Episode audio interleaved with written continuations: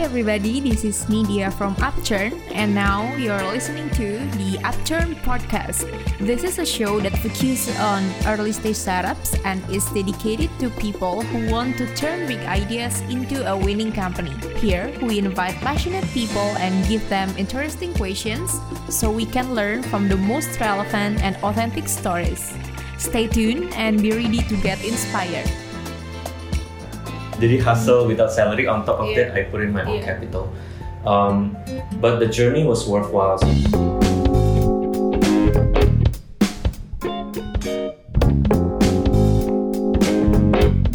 So, hello Bariswanto, how are you? Hello, how are you? I'm good. Okay, so first of all, thank you for your time. I'm so happy to be here with you. Dan uh, di podcast kali ini kita bakal bahas tentang product market fit yang mana uh, kita rasa cocok banget with your background karena sempat kerja juga 10 tahun di Silicon Valley ya. Ya betul. Oke, mungkin uh, bisa sekalian kenalin diri dan cerita juga about your journey. Mungkin dari awal boleh diceritain dulu your background, uh, family, geographic, uh, education, silakan. Okay. Thank you, Nidia, for your time also. Uh, so, my name is Riswanto. Thank you for having me in this podcast session. So, a little bit about myself. Aku sekarang um, uh, building my own startup juga, but previously uh, about myself, I came from a family of entrepreneurs. Jadi memang dari kecil uh, kind of been exposed to uh, entrepreneurship from my dad, my grandpa, uh, my, my extended family. Uh, and then at the age of 14, aku uh, moved to Singapore by myself actually. So uh, together with my brothers, kita uh, studied abroad. Uh, and that's where I learned to be kind of independent on my own dari kind of 14 years old. Terus memang dari kecil tuh uh, I, I love math, I love science um, from young age and I find them really interesting. I did well in those courses. Jadi naturally the natural path for me uh, obviously engineering gitu. Uh, the nerdy kid doing engineering class. Jadi I uh, after I, I did my high school and JC di Singapore and then I uh, graduated and then I um, went to University of Illinois the Urbana-Champaign. It's a small town in the US. Um, but they're really good in engineering uh, courses. And at that time I originally I actually applied for chemical engineering, but I switched to electrical. And, and I got exposed to a lot of really smart people back then. Udah banyak people, you know, from IIT India, which is like the MIT of India, juga kayak dari orang from uh, a lot of people from Russia, from China, and those are really really smart people who actually also some of them are entrepreneurs dari SMA, know, dari kecil udah uh, Wow. develop something. Um, yeah, after graduation, I decided to uh, work. Yeah, uh, actually before before graduation pun aku sempat did a couple of internship. Um, actually work for a beer company, a beer manufacturing company called uh, Budweiser. Uh, di sana, I you know I was exposed to designing program for the you know fermentation and the brewing process of beer. Jadi, if you think about beer, this is you know there's a automation process going on behind the scene to make the beer. Di, sit- uh, after graduation dari college, aku kerja full time di Boston, uh, work for a semiconductor company. Actually, a lot of the times behind the scene. Um, jadi we heard about you know what's the product being used for. Dipakai di mobil Audi, dipakai di you know like um, uh, Nintendo Wii. But most of the time I was behind the scene designing the chip and testing the chips, the semiconductor chip ya. Terus I decided to at some point after a few years I decided kayaknya gue mesti uh, you know being out there more exposed still in the technology field uh, decided to move to the heart of the tech industry itself which is the Silicon Valley.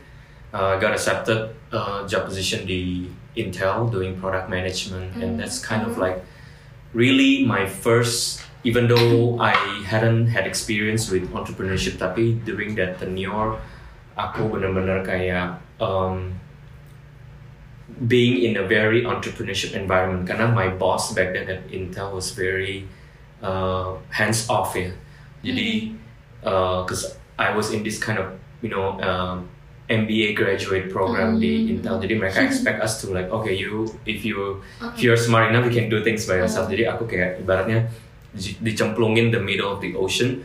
Uh, don't know what to do. First time udah langsung kayak uh, at that time Intel lagi develop produk namanya Intel wireless uh, or they call it wide die wireless display. Jadi all the Intel based computers are able to project uh, video image and also uh, music or sound uh, wirelessly jadi we work with a lot of kayak vendors ya, uh, a lot of partners, mulai dari Logitech speakers, uh, apa namanya notebook manufacturers kayak Asus, Dell, HP. Nah di sana tuh when I was there, it was still at the kayak conception of the idea. Jadi my boss asked me to like oversee everything from uh, dari hulu ke hilir ya, from from end to end. So dari tek- the sisi teknologinya, dari sisi licensing, I was talking to uh, a couple of research uh, experts di di uh, uh, Stanford, where actually Intel at that point um, invested in some company uh, and then acquired a license for partnership. Uh, di sana aku benar-benar ketemu sama VC community di uh, di di Intel. Uh, there's an Intel Capital. Terus kita juga ketemu sama some professor and some research who did um, apa namanya study on this wireless display technology. Terus habis itu aku juga work with stakeholders within the company to uh, apa namanya work with device vendor kayak uh, HP, Dell, terus computer manufacturer sama Logitech speakers, and then even until the marketing go to market. Jadi uh, dis- discuss globally with retail uh, retailers dari Australia, US, even Asia gitu ya. Jadi benar-benar end to end. Nah itu jadinya kayak the role itself is very entrepreneurial. So yeah, I mean that really uh, inspired me. Jadi um, after a few years di Intel, I decided to kayak uh, maybe it's time to go back to Indo ya. Uh, and there was an exciting moment at that time, 2011. Benar-benar uh, at that time media itu kayak um, all my friends yang kayak you know tadinya mau stay di US have a kayak apa namanya uh, a Karir. dream career in the US tiba-tiba kayak eh let's go back to Indo nih kayak I think it's a growing industry lagi booming lagi ada startup lagi ada Tokopedia lagi ada uh, Zalora lagi Rocket Internet. So yeah I, I, I told my uh, my boss at Intel that waktu itu kayak I I go I want to really go back to Indo and develop the market for Asia gitu. Jadi went back there ya habis itu mulai exposed to you know how the industry was the tech industry was evolving. Aku masih kerja waktu itu at Intel cuman uh, few years di sana aku start my own uh, my first business basically uh, R&D and smartphone manufacturing uh, uh, company The uh, Indonesia we work with a couple of global brands like Xiaomi and over time we also develop a lot of uh, our own uh, locally designed and manufactured devices Okay. kayak um, mesin EDC, IoT devices and so on gitu sih. So Yeah. Berarti justru momen di mana akhirnya jadi turning point yang awalnya mau karir, which is being an, an employee, to the point akhirnya jadi entrepreneur itu di Intel ya, Yes, journey-nya. sebenarnya sih di sana udah mulai banyak kayak pemikiran gitu loh. Iya. Kayak oh, ternyata uh, kan waktu itu di Intel sendiri aku udah ber- berkarir di US for maybe more than six years ya. Hmm, hmm. Jadi um, at that time there was an itch gitu loh kayak Hmm, untuk hmm, hmm. do my own business Hmm, kan hmm. dan waktu role di Intel tuh bener-bener kayak And kind of entrepreneurship juga in a way Hmm. gitu. karena entrepreneurship karena itu end to end atau tiba-tiba ketemu sebuah problem yang rasanya pengen gue bikin di produk to solve this pain point atau apa Um, yang inspires you Eh, bukan dari sisi problem statementnya sih. Actually kalau problem statement waktu itu banyak ya ide kayak a lot of kayak Hmm. ideas. Cuman I always put in my own journal gitu. Jadi Hmm. aku kayak tulis journal. Kira-kira aku pengen bikin ini nih. Cuman always didn't have the courage to start. Hmm. Karena kayak it's a big leap right. Kayak when you go to entrepreneurship, it's Hmm, like a, hmm, uh, you you you let go your salary, you potentially Hmm, hmm, earn none. hmm. Jadi waktu itu benar-benar memang masih lack courage to be Mm. honest. Jadi waktu Mm. aku masih di Intel pun aku masih I had ideas, I had the itch, Mm. cuman belum Mm. step over to Mm. entrepreneurship, Mm. belum Mm. take that bold move. bold move-nya setelah aku udah balik ke Indonesia justru. Oh, the 2000 du- 2011 berarti. 2011 uh, aku masih kerja and then after that 2000 aku ingat 2014 tuh aku uh, uh, in my role at Intel waktu itu sering travel ke China Uh-uh. jadi di China travel terus kayak uh, meet a lot of met a lot of partners di China Mhm. tech ecosystem Mhm. waktu itu kan uh, when we develop device like smartphone we work with a lot of kayak we call it OEM atau ODM Hmm. original device manufacturer and the ecosystem itself tuh uh, density-nya sangat tinggi di China di Shenzhen. Hmm. Jadi waktu di sana actually I met my first business partner, my first kayak uh, co-founder lah Hmm. for my Hmm. entrepreneurship, uh, my, my my my first startup lah istilahnya. Uh, it's a Indonesian man, uh, much Hmm. older than me, he's a Hmm. senior. Hmm. Di namanya Pak Sam Ali. Uh, he already built, you know, his companies a couple times. Dan dia juga waktu itu punya a design house company Yeah. di China, technology design house. He's the one who actually at that time trigger the the move within me kayak Hmm. Eris kan lu udah lama di Intel gitu, why don't you like uh, Start. do something, start something, and contribute to the Indonesian tech industry, kayak Mhm. contribute to your country, kayak uh, and there's a right momentum at that time because there was um, the dari zamannya Pak SBY, Pak uh, our president before Hmm. sudah sangat encourage TKDN, you know, made in local, tingkat Iya. kandungan dalam negeri, Oh. which is local uh, local localization gitu ya. Jadi kayak there was a good momentum for us. Jadi kita kayak decide, okay, maybe this is mm, my time kali. And then I, Hmm. I just uh, yeah, I quit my job.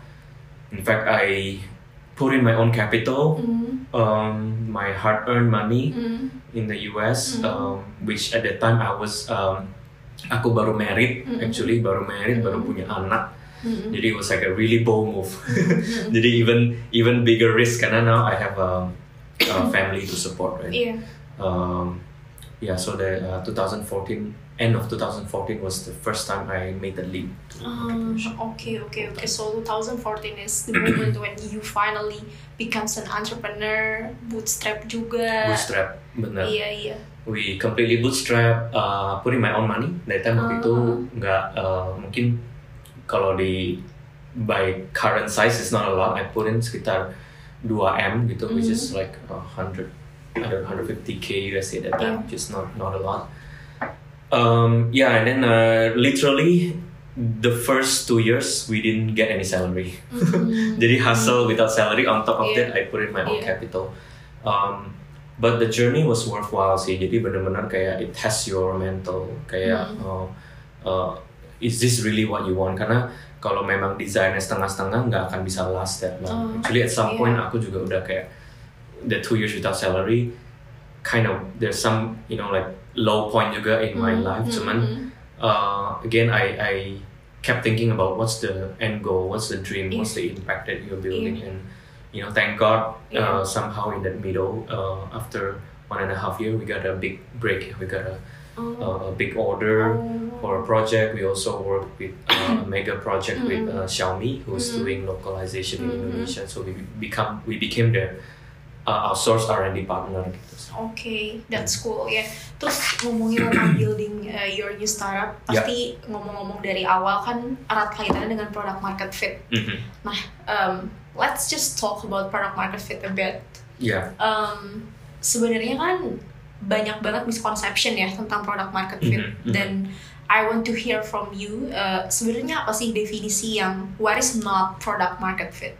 Oke, Uh, jadi banyak sekali sih miskonsepsi about PMF ya, product Mhm. market fit. Jadi uh, banyak orang berpikir PMF itu immediate, kayak sebelum you make your company, sebelum you have an idea atau you, you just have an idea, itu lo harus udah ada PMF dulu baru bisa raise funding. So that's not true. Mhm. Actually, Oh, um, you can raise funding pre-seed or seed, mm-mm. uh, and then develop your what we call the minimum viable product Yeah. MVP, and then find your own PMF. Typically, company find PMF within one to two years. Nggak boleh terlalu lama juga because Mm. if it's too long, Mm, uh, you get fatigue ya, capek gitu kan, and then Mm. momentum udah change. mm, Uh, dan ya sebenarnya PMF is not expecting kayak um, highly beautiful design or feature or complicated feature. Jadi uh, most important is users use it and the users are happy with your product and they become your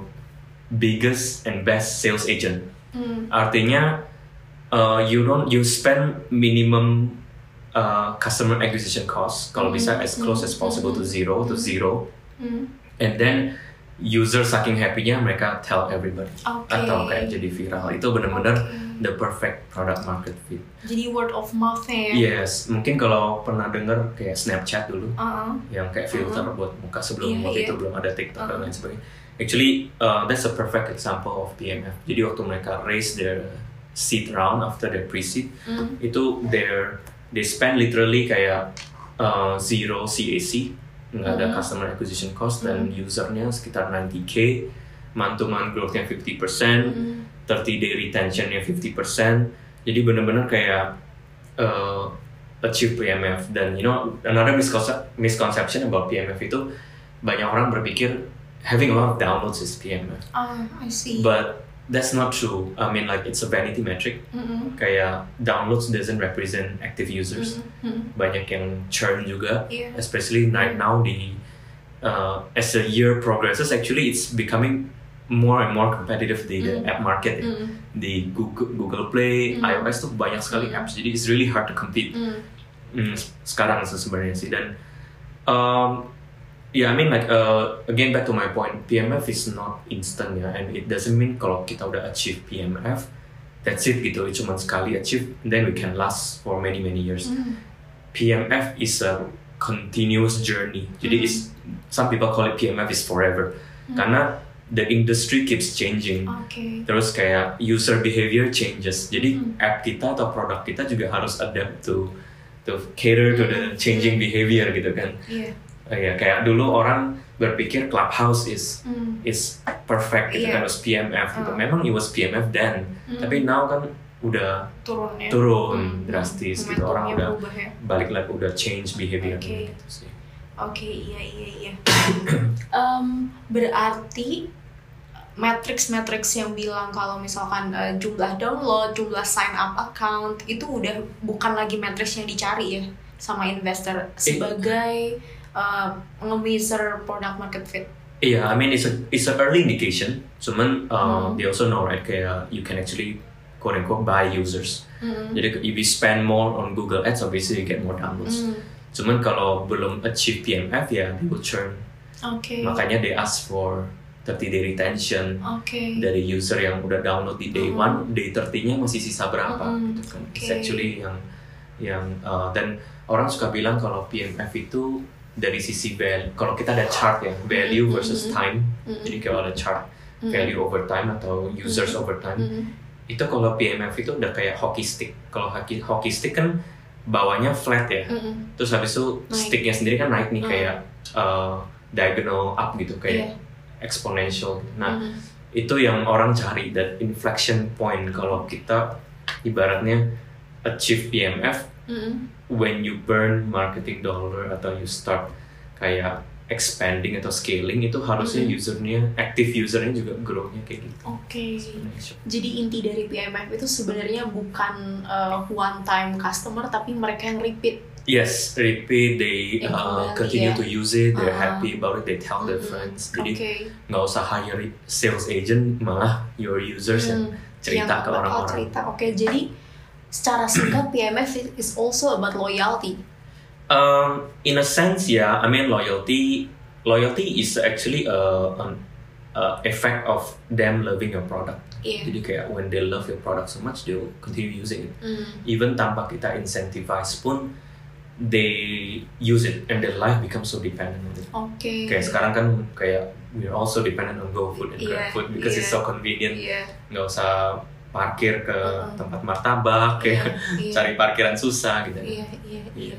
Even though harganya sekarang uh, mulai naik, tapi kita udah terlanjur dependent sama Dependent itu. on Udah it, lihat iya. value-nya soalnya. Betul. Dan another thing yang I want to highlight is actually Mhm. kalau only a few users are happy, Mhm. uh, we don't really call them PMF sih. We Okay. call them uh, PPF ya, which is product to problem fit. Jadi memang your product solve a specific problem, Mhm.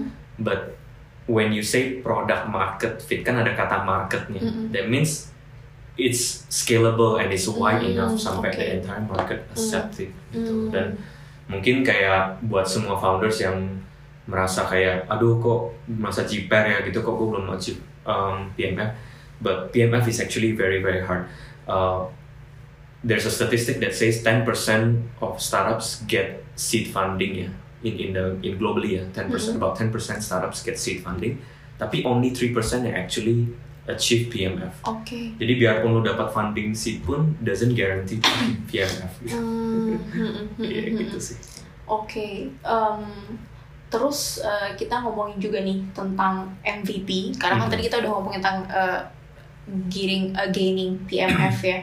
Nah, em, ada juga tahap MVP yang mana eh, sangat berguna, sangat apa namanya menentukan eh, to the point where the startup eh, reach product market fit. Nah, eh, sebenarnya definisi MVP itu tuh apa sih secara simpel gitu karena masih Hmm. banyak juga misconception di luar sana. Hmm, sebenarnya MVP itu kan kepanjangannya uh, minimum viable product ya. Hmm. Sebenarnya MVP itu yang paling early. You use MVP uh, when you try to test out your hypothesis. Mhm. Misalnya kamu kepikiran an idea to to do it, tapi before you launch an app, karena kan building an app is expensive and time consuming. Hmm, hmm, Uh, kalau kamu outsource keluar itu bisa ratusan juta hmm, hmm, to have a design company or you hired uh, full time staff juga kan Mhm. six months misalnya ada tiga engineer itu kan Mhm. udah ratusan juta. hmm, So you build as minimal as possible hmm, dengan tools yang ada yang free, tapi minimum you can test your idea with a group of users. Contohnya waktu Facebook pertama kali mulai itu dia nggak ada aplikasinya gitu. It's belum ada mobile app. It's literally just um, kayak web page hmm, dan web page-nya juga HTML very sederhana cuma kayak Mhm. bener-bener kayak uh, show your profile, show your Mhm. photo, your Mhm. your description of yourself tapi it's very kayak um, basic dan jelek lah tampilannya dan Mhm. itu mereka test out with a group of college students. Facebook Mhm. started from university kan itu kan Mhm. waktu Mark Zuckerberg develop this idea di Harvard.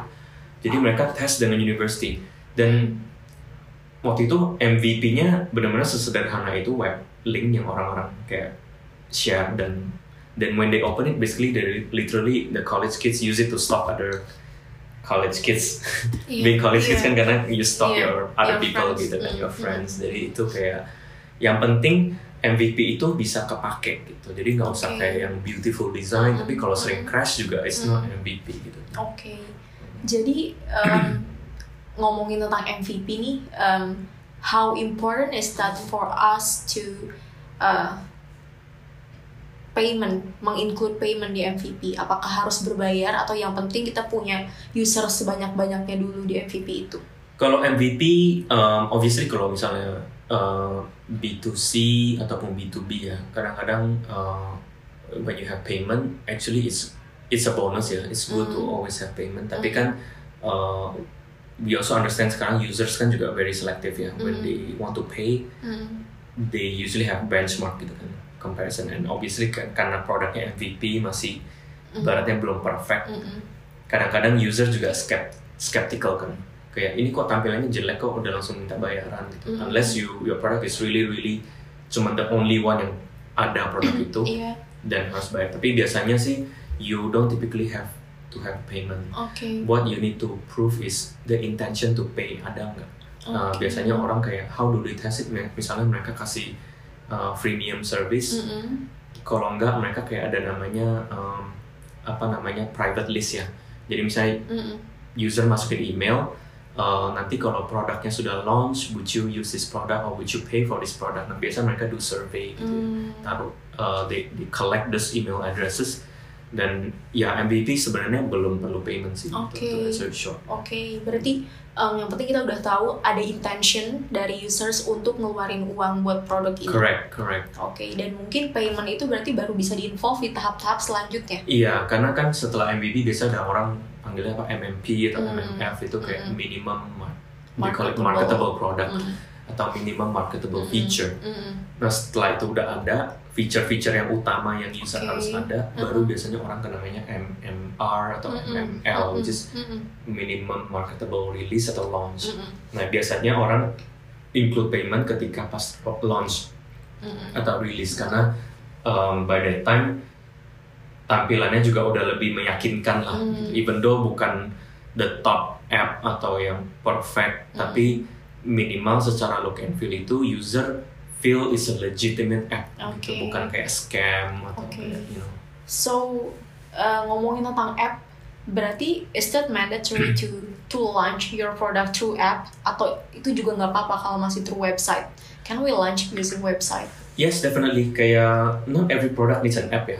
Uh, Hmm. Actually, kalau you talk to, I have some mentors waktu even aku Hmm. di Antler program pun, Mm-mm. that there are some some of my mentors, some of my partners tuh mereka kayak don't believe. Ada orang yang don't believe in app Mm. karena mereka melihatnya the future of the app itu bakal jadi super app.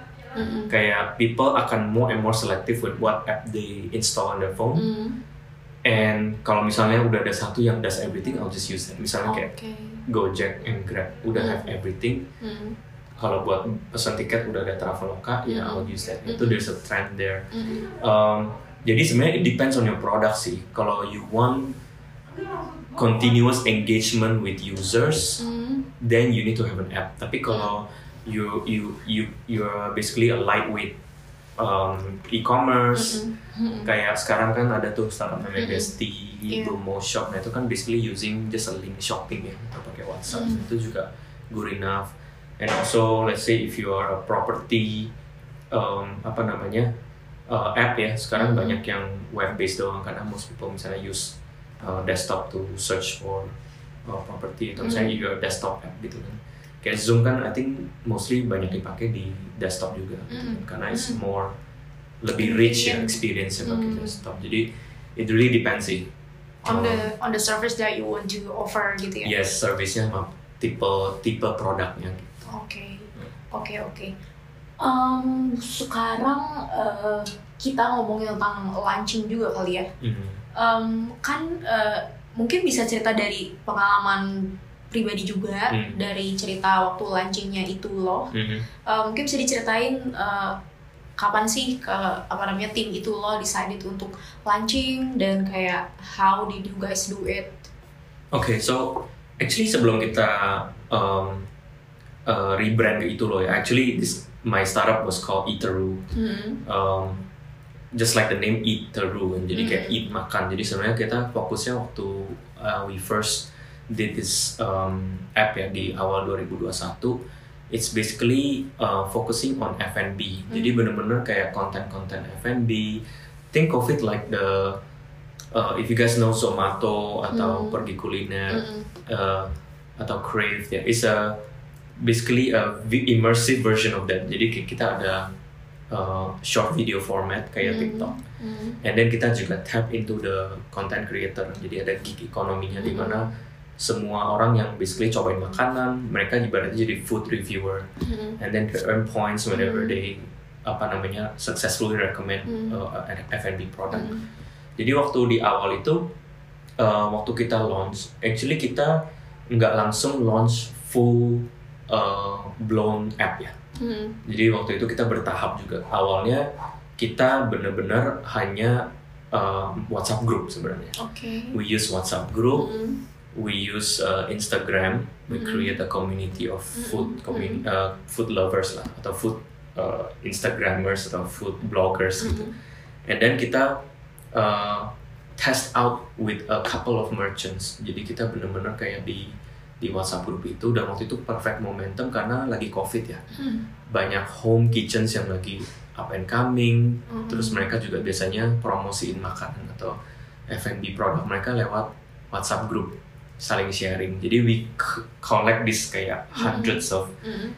uh, food creators as well as um, Reviewer. reviewers dan kita tes aja di WhatsApp group itu what what's the interaction. Jadi Okay. mereka tuh kayak ternyata saling sharing, saling sharing foto pas lagi Hmm. nyobain makanan tuh Hmm. kayak Hmm. uh, open opening the box, the packaging. Jadi kita lihat wah ini kayaknya menarik. What if we um, develop this into a full version app gitu Mm. kan supaya Mm. kita bisa tracking engagementnya lebih Mm-mm.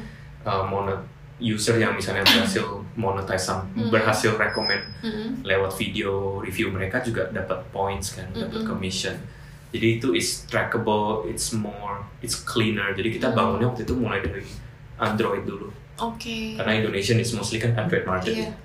there's no need to develop iOS jadi waktu itu kita Android dulu setelah Androidnya udah launch oke baru kita Kayak Apple. iOS Oke. gitu. jadi bertahap ada satu hal yang menarik barusan eh, waktu ngobrolin tentang community. Jadi basically uh, Iteru ini berawal dari sebuah platform yang memang isinya community of food creators sama Mhm. food reviewers. yes Nah, yang menarik adalah how did you build that community? It's such a strong community in Mhm. only one platform. How did you met the people dan dan kayak how did you manage the community to work? jadi kita um, manual to be honest jadi kita Hmm. kayak um, boleh dibilang agak sedikit growth hacknya adalah kita scour through um, the list of people yang review di pergi kuliner dan Zomato Hmm. gitu karena we we know for sure kayak mereka pasti ada complaints ya kan tentang Iya. the app Mm. uh, apa the the product di pergi kuliner kenapa mereka uh, misalnya posting two years ago kenapa nggak posting lagi Iya. so we started from there we benar-benar kayak our team went through one by one the list Wow.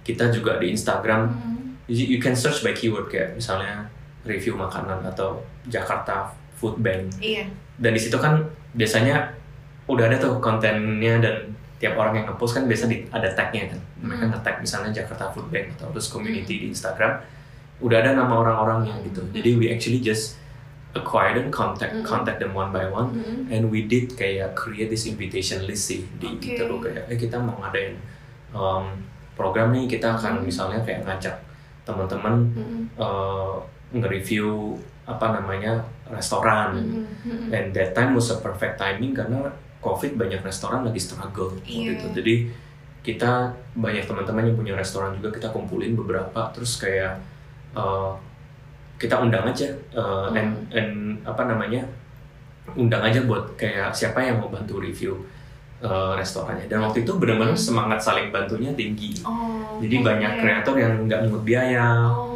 Terus restoran juga welcome them give them food, food Mm-mm. samples gitu kan Mm-mm. karena the idea was to Mm-mm. help each other out Mm-mm. restorannya dapat exposure Mm-mm. content creatornya juga dapat dapat konten. konten Mm. dapat ya actually ya ya maksudnya mereka juga uh, uh, apa namanya dapat community ya Mm-mm. sometimes they love Mm-mm. meeting each Iya. other fellow food blogger gitu Mm-mm. Mm-mm. Iya. Oke, jadi waktu momen itu tuh sebenarnya eh, nggak banyak uang yang keluar buat ngobrol sama user-user ini. Uh, yeah, actually we did spend very minimally waktu itu ya. Oke. Kita nggak nggak bakar kayak orang gila di Iya. di Google Ads because we know that if our product is not perfect, ya churnnya juga tinggi. Iya. So uh, we we went with really grassroots. Kita benar-benar kayak Hmm. attacking the community. dulu. Mm-mm. Kita juga undang tuh every Friday. Mm-mm. Uh, uh, karena my my office last time di itu itu kita ada rooftop itu di Mm-mm. Go Hive, Mm-mm. JSC Hive. Mm-mm. We always invite our users to come Mm-mm. and then we interact with them. Oke. Jadi kayak being uh, intensive on the user interaction. Oh. Menurutku itu penting. ya. Th- that's very entrepreneurial sih. Yeah, Mhm. you you you put effort, you put investment on actually talking to the users, right? Yes. Iya, jadi jadi nggak berasumsi juga apa sih sebenarnya kebutuhannya customer Betul, dan segala dan- macam. Itu pun actually um, frankly very challenging karena Mhm. uh, user itu represent so many different persona gitu. Iya. Kayak waktu kita invite user ada yang Uh-uh. mahasiswa, ada yang tinggal di kos-kosan, Oh. ada ibu-ibu rumah tangga, ada dentist, Hmm. jadi food blogger juga Hmm, hmm. on the side gitu. Jadi main jobnya dentist, on the side-nya food blogger. Oke. Terus um, ada yang kayak uh, apa namanya moms yang Mm. tadinya kerja di kantoran Mm. terus di lay off akhirnya Mm. jadi content creator atau jadi jual makanan itu juga banyak. Oh, Jadi Iya, iya, iya. personanya Banyak a lot gitu. Jadi kita Iya. benar-benar mesti talk to more Mm-mm. To figure out kita mau concentrate our core users itu siapa? personanya siapa sih gitu Oke. kan kita nggak mungkin cover A to Z Iya. at this point. Iya, Gitu. iya. Mm-mm. Waktu itu ada berapa banyak orang di community yang di maintain? Uh, up to certain point kita udah ada kita started waktu itu uh, sekitar 100 ya kita kumpulin waktu itu masih Wow. 100 uh, Di approach manual 100. manual waktu itu pasti awalnya terus Hmm. uh, over time dalam berapa bulan udah grew to around 4000 jadi Wow. bener-bener kayak karena kadang-kadang mereka That's itu kayak crazy. uh, ngajak temen Uh, atau kayak hmm, people penasaran juga kayak ini uh, Itero apa sih gitu kan mm-mm, banyak merchant yang gabung juga. Jadi merchantnya itu kita actually didn't spend at all dan itu uh, was a was an easy acquisition juga karena merchant tuh pengen di feature Mm-mm. mereka tuh pengen di expose gitu kan Mm-mm. kayak Mm-mm. um, supaya menaikkan penjualan mereka Iya, iya. Oke, iya keren-keren. Berarti emang ada mutual ini ya benefit yes di antara creatornya, merchantnya. Iya. Iya, iya. Jadi jadi uh, cost yang dikeluarkan untuk positionnya juga nggak banyak. betul betul Oke. Nah, em, ngomongin tentang em, launching your business yang barusan, Hmm. em, kita tahu kalau secara data 9 dari 10 startup itu kan gagal ya. Hmm. Dan sebenarnya di idea of apa namanya eh, gagal gitu itu sesuatu yang sangat mungkin untuk terjadi ke startup mana pun kayak yes gitu. yes Nah, eh, salah satu cara untuk menghindari kegagalan itu adalah dengan pivot. Nah, Mhm. eh, mungkin kita sekarang bisa ngobrol sedikit juga tentang pivot. Mhm. Hmm, mungkin bisa sekalian sharing gitu ya ke Mhm. eh, the, the the listener Iya. di audience mengenai eh, pivot. Sebenarnya apa sih eh, yang apa namanya tanda-tanda kalau sebenarnya startup idenya tuh nggak works gitu. Ya, ya. Well, actually, ya tadi ini dia bilang kayak startup banyak yang fail, that's true. Uh, we have to constantly remind ourselves. Jadi kita juga kayak uh, nggak akan super stress, kita mentally prepare. Cuman one way uh, to mitigate or prevent that is not uh, just pivot ya. Kalau pivot tuh benar-benar kayak uh, I'll share kayak Mm. beberapa gejala, including my own experience. Mhm. Cuman uh, at this point mungkin temanya orang teman-teman juga sering dengar kayak VC winter atau kayak uh, startup lagi susah, kayak Mhm. udah mau bubble. Mhm. Actually one way we can uh, prolong is by careful spending aja gitu. Mhm. Jangan uh, majority sebenarnya aku dengar berita-berita startup itu yang banyak yang ibaratnya running out of cash itu tuh basically yang they spend without budgeting control Oke. terutama di human resource Mhm. atau yang marketing gitu kan. Mhm. Jadi one way is really prolong your itu ya adalah to to spend wisely until you develop udah ketemu PMF and you Mhm. have a guaranteed funding flow ya atau Mhm. funding path then you spend gitu. Tapi uh, um, about pivoting sebenarnya ya it's there are signs ya yang mungkin uh, kita bisa lihat biasanya kalau di produk maupun B2C atau B2B kan you have your own kayak matrix ya. Hmm. It could be a North Star matrix yang yang you track ataupun um, supporting matrix and usually have an ROI kalau misalnya Hmm. let's say you set by month to month growth gue gue pengen 20 atau 25 persen minimum terus berapa berapa and then you only get let's say 3 persen atau worse banyak yang churn. Berarti kan itu artinya there is lo nggak ketemu nih product market fit gitu kan. There's uns- unsatisfactory growth rate. Hmm. jadi Hmm. hypothesisnya nggak proven. Mhm. ya terus the other thing is um, apa users. Your own users are sometimes your own kayak they're telling you that this doesn't work. Dan itu sering terjadi. Gimana caranya? Komplain. Biasanya mereka komplain di app atau komplain di apa dan that's the important thing why you need to interact with your users uh, continuously Mhm.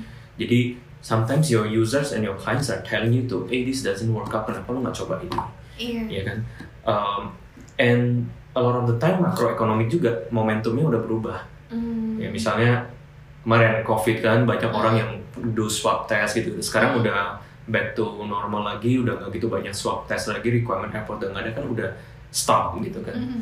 Mhm. terus um, jadi those kind of mo- momentum or market condition juga changes and the other indicator ya if you've been running for years and you you haven't figured out how to make money Mhm. karena company kan at the end of the day harus make money gitu kan Mhm. nggak mungkin loss terus gitu kan Mhm. um, you haven't figured that out dan Mhm. apa namanya ya then it's sign atau mungkin juga founders sudah lost motivation Oke. it's very common to happen Iya. bukan berarti kita kayak pelin pelan atau apa tapi you have to understand founders are the kayak the captain or the nakoda behind the ship right they're the Mm. one who steer the company if the Mm. captains are udah nggak motivated Mm-mm.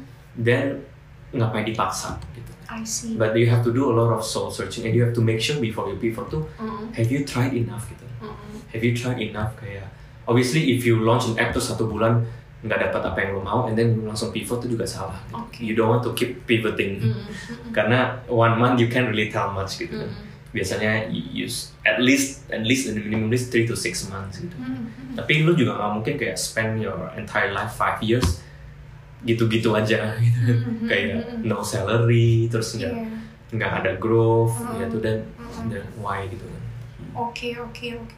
Jadi sebenarnya cara ngelihat ini works atau enggak tuh di antaranya adalah lihat eh, ke matriksnya Mhm. um, itu achieve atau enggak. Terus Mhm. kita lihat juga ada ujungnya enggak nih profitability udah kelihatan atau belum kayak Iya, gitu. Dan betul. juga mungkin omongan-omongan langsung dari usernya. Ya. yes betul jadi Oke. um, ya kalau boleh share in our experience kita Mhm. juga gitu sih just I was talking about Ituru Mm-mm. we actually decided to pivot Mm-mm. uh, we call it to Ituro sekarang Iya. Pivotnya kenapa? Uh, Cause actually this unique happen uh, uniquely happened to us waktu tahun lalu we actually almost got a, a big funding from Mm-mm. one uh, Chinese based VC Mm-mm. uh, yang juga invest heavily in social media and Mm. social commerce space. Mm-mm.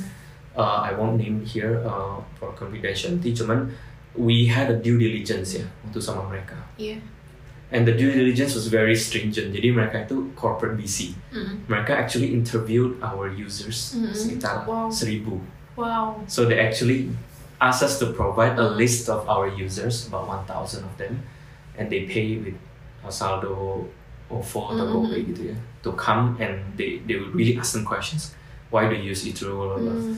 Nah throughout the process kita kayak benar-benar stretch test juga kan kayak um, do users really use this product? And one of the metric yang waktu itu Hmm. kita track tapi enggak track heavily adalah engagement time. Mm. Which is sebenarnya kita disadarkan sama visinya kayak actually what you build is great, are users who really love your product, Mm. tapi your engagement time is not long enough. Dia pakai benchmark, misalnya TikTok itu Mm. engagement time-nya bisa 2 hours atau 3 Mm. hours per user Mm. in a day. Mm. Dan kita waktu itu masih sekitar 10 menit. Oke. Dan dia punya very uh, and we, we were forced to kayak look into ourselves and our orang benar-benar nyari konten makanan gak sih tiap hari gitu kan. Mm. Do people search for food Mm-mm. content every day? When you're hungry, Mm. yes gitu kan. Tapi even when you're hungry, sometimes you already have in mind kayak aku maunya KFC gitu. Lo nggak Mm. even bother to discover to look for Mm. content. lagi. Mm. Jadi itu benar-benar membuat kita berpikir ulang Mm-mm. dan kita talk to our creators juga. And we confirm that gitu when we talk to our creators, mereka juga bilang actually, "Uh, Pak, actually saya juga bukan reviewer makanan doang loh. Actually, uh, I'm a, a single mom and actually I also review uh, kids uh, because I have a kids gitu kan. Mhm. I have a uh, I have kids studying in school. Saya juga sering kayak nge-review tentang kayak um, produk-produk anak-anak Mm. atau tentang school. Mm-mm. Terus dia juga sering kayak staycation waktu itu ya. Jadi review hotel. Oke. Jadi kayak dan kita juga berpikir ya the the needs for Mm. content for Mm. everyday person Mm. itu nggak cuma food every day Mm. gitu kan. Jadi makanya daily usage-nya, Mm. engagement-nya nggak sepanjang misalnya when you have multiple category. So ya tadi balik lagi kan the science-nya adalah our users, our creators themselves telling us that Mm. hey we need more categories jadi um, and also kayak uh, there is a problem ya when we talk to them mereka melihatnya oh sekarang actually social media is too uh, quote unquote trashy Mm. artinya there are way too many content yang toxic yang unnecessary yang actually didn't help us gitu kan Mm. There is this growing trend of people trying to minimize their screen time. Jadi mereka tuh Mhm. benar-benar kalau cari sosmed pengen something yang review jujur, yang bermakna, Mm. honest review, and really uh, meaningful ya. Iya. So that's what we're aiming for gitu sih kita uh, pivoted to itu loh. We added more categories. Uh, there are content creators in respective category like parenting, mental health, even nightlife.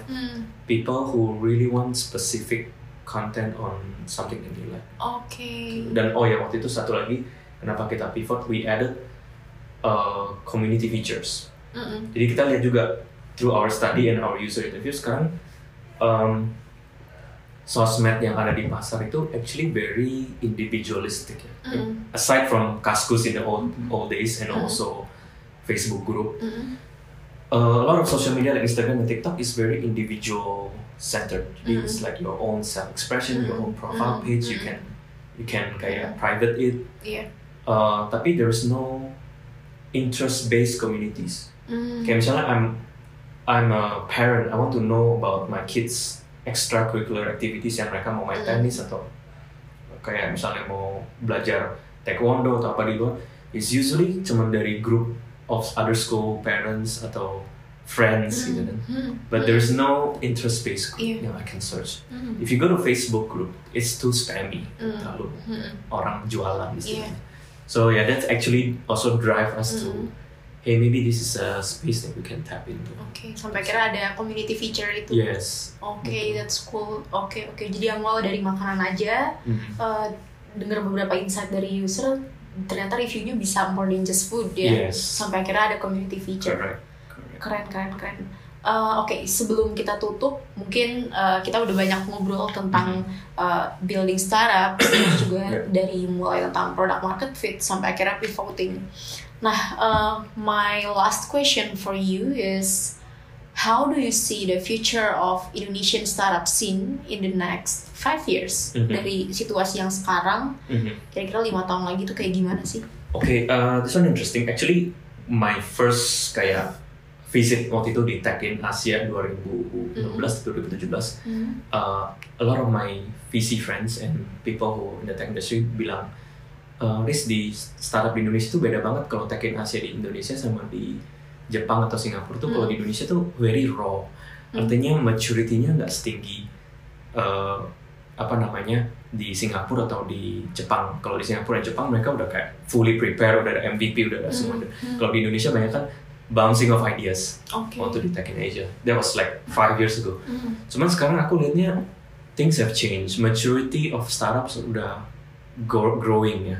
Karena who are these founders? These founders are ex employees of Gojek. Mhm. They're ex employees of kayak Zalora or Hmm. or Tokopedia or Traveloka. They they went through the whole journey of building companies, even though not as founders, but as a original team members. Mhm. Jadi they really understand the hustle, the how it works, and now they implementing their own startup. gitu. Mhm. Jadi aku lihatnya it was is going to grow karena kita kan masih catching up with the other countries yang lebih advanced kayak Mhm. India. Cuman there's also going to be consolidation. Jadi kayak uh, bigger startup yang udah exit, uh, yang sudah kayak IPO, kayak Goto buka Mhm. gitu kan. Mereka juga going to these bigger gi- companies are going to slowly acquire uh, smaller companies Hmm. to scale up faster. Jadi there's gonna be more success story of success story of exits, uh, startup exit, and juga kayak itu I think the maturity in general is higher. Cuman juga um, sekarang because of the VC winter and the market condition juga lebih selektif. Ibaratnya dulu any kind of ideas are out there, people experimented. Now they are more careful gitu ya Hmm. they they start to think about what actually can make money, Hmm. uh, what actually the market needs. Mm. gitu. And I also see this trend of um, more venture building. ya. Hmm. Venture building itu kalau dulu tabu ya kayak kita kalau ke VC itu kayak eh venture build is like kayak um, ibaratnya itu kayak company starting up mm, becoming startup gitu. Hmm. Tapi menurut aku nggak ada salahnya karena um, all companies, traditional companies, kayak they also want to transform digitally, ya kan? And for them rather than kayak gua hire people in my own division going through the same bureaucracy, Hmm. kenapa aku nggak invest in um, smaller startups or I do the incubation? Hmm. That- That's why you see Telkom Hmm. going there, Bank Mandiri dan you know many BUMN, many companies Hmm. bigger even Astra juga kan focus on digital. I think uh, ya ini sinerginya and the whole uh, ecosystem coming together is becoming more apparent, more solid, and Mm. also uh, despite all that's happening in the market condition, actually funding flow to Indonesia is still relatively healthy gitu. Jadi uh, people are always interested in the story of growth. Gitu kan. Mm. In other countries, perhaps you already reached that stagnation ya, artinya diminishing point of return. Kamu spend more untuk bisa innovate something itu susah. Kayak di US tuh mungkin innovationnya udah deep tech. Mm. Kalau di Indonesia masih ibaratnya banyak yang belum pakai internet. Iya.